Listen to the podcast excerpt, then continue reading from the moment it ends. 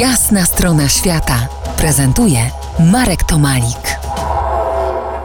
Po jasnej stronie świata Michał Banaś, geolog i dydaktyk Muzeum Geologicznego Instytutu Nauk Geologicznych Polskiej Akademii Nauk. Zejdźmy jednak trochę pod ziemię, sięgnijmy po połyskujący chryzopras. Nazwa pochodzi od greckich słów chryzos, czyli złoto, i prasinos, zielonkawy. Mnie ten kamień przypomina australijskie, a może jeszcze bardziej meksykańskie opale.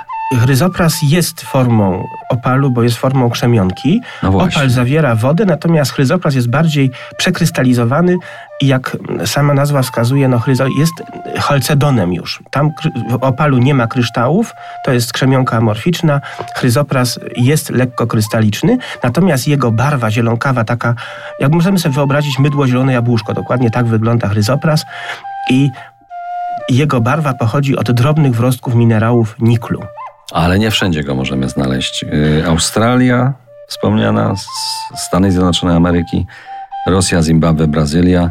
I co ciekawe, możemy go także znaleźć w Polsce. W Polsce, tak. Mamy jedno miejsce i to jest miejsce, które w europejskich przewodnikach dla poszukiwaczy skarbów od średniowiecza, Ząbkowice Śląskie, czyli Frankenstein, były opisywane jako miejsce, gdzie można znaleźć owo zielone złoto, to jest określenie średniowiecznych poszukiwaczy skarbów, tłumaczenie z łaciny i tam właśnie do dzisiaj możemy znaleźć, ale możemy też oglądnąć podziemne wyrobiska, w których właśnie drążono za tym niezwykle cennym minerałem.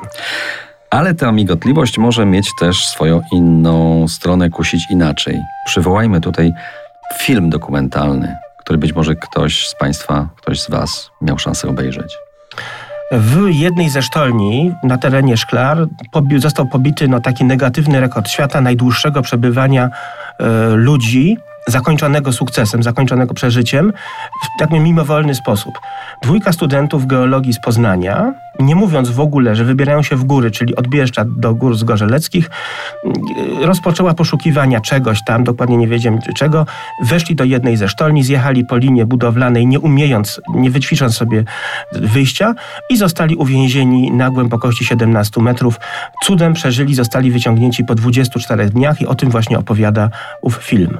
Całą tą historię można zobaczyć, prześledzić, ponieważ jedna ze sztolni w Szklarach jest dostępna, sztolnia Robert i między innymi jest tam ekspozycja drobna, gdzie można właśnie prześledzić tą niesamowitą historię i tak ku pokrzepieniu serc, no, ja to usiłowałem przypomnieć tą historię w momencie, kiedy była akcja w jaskini Śnieżnej, że ludzie potrafią wytrzymać, organizm ludzki potrafi wytrzymać, jeżeli tylko ma jakieś tam minimalne zapasy wody i troszeczkę ciepła, aż taki długi okres. Ale nie prowokujmy losu. Za kilkanaście minut Pozostając nadal pod ziemią, spróbujemy poobserwować nacieki skalne. Czy z nich możemy uzyskać informacje o zmianach klimatu naszego globu? Dowiemy się niebawem. Zostańcie z nami po jasnej stronie świata. To jest jasna strona świata w RMS Classic.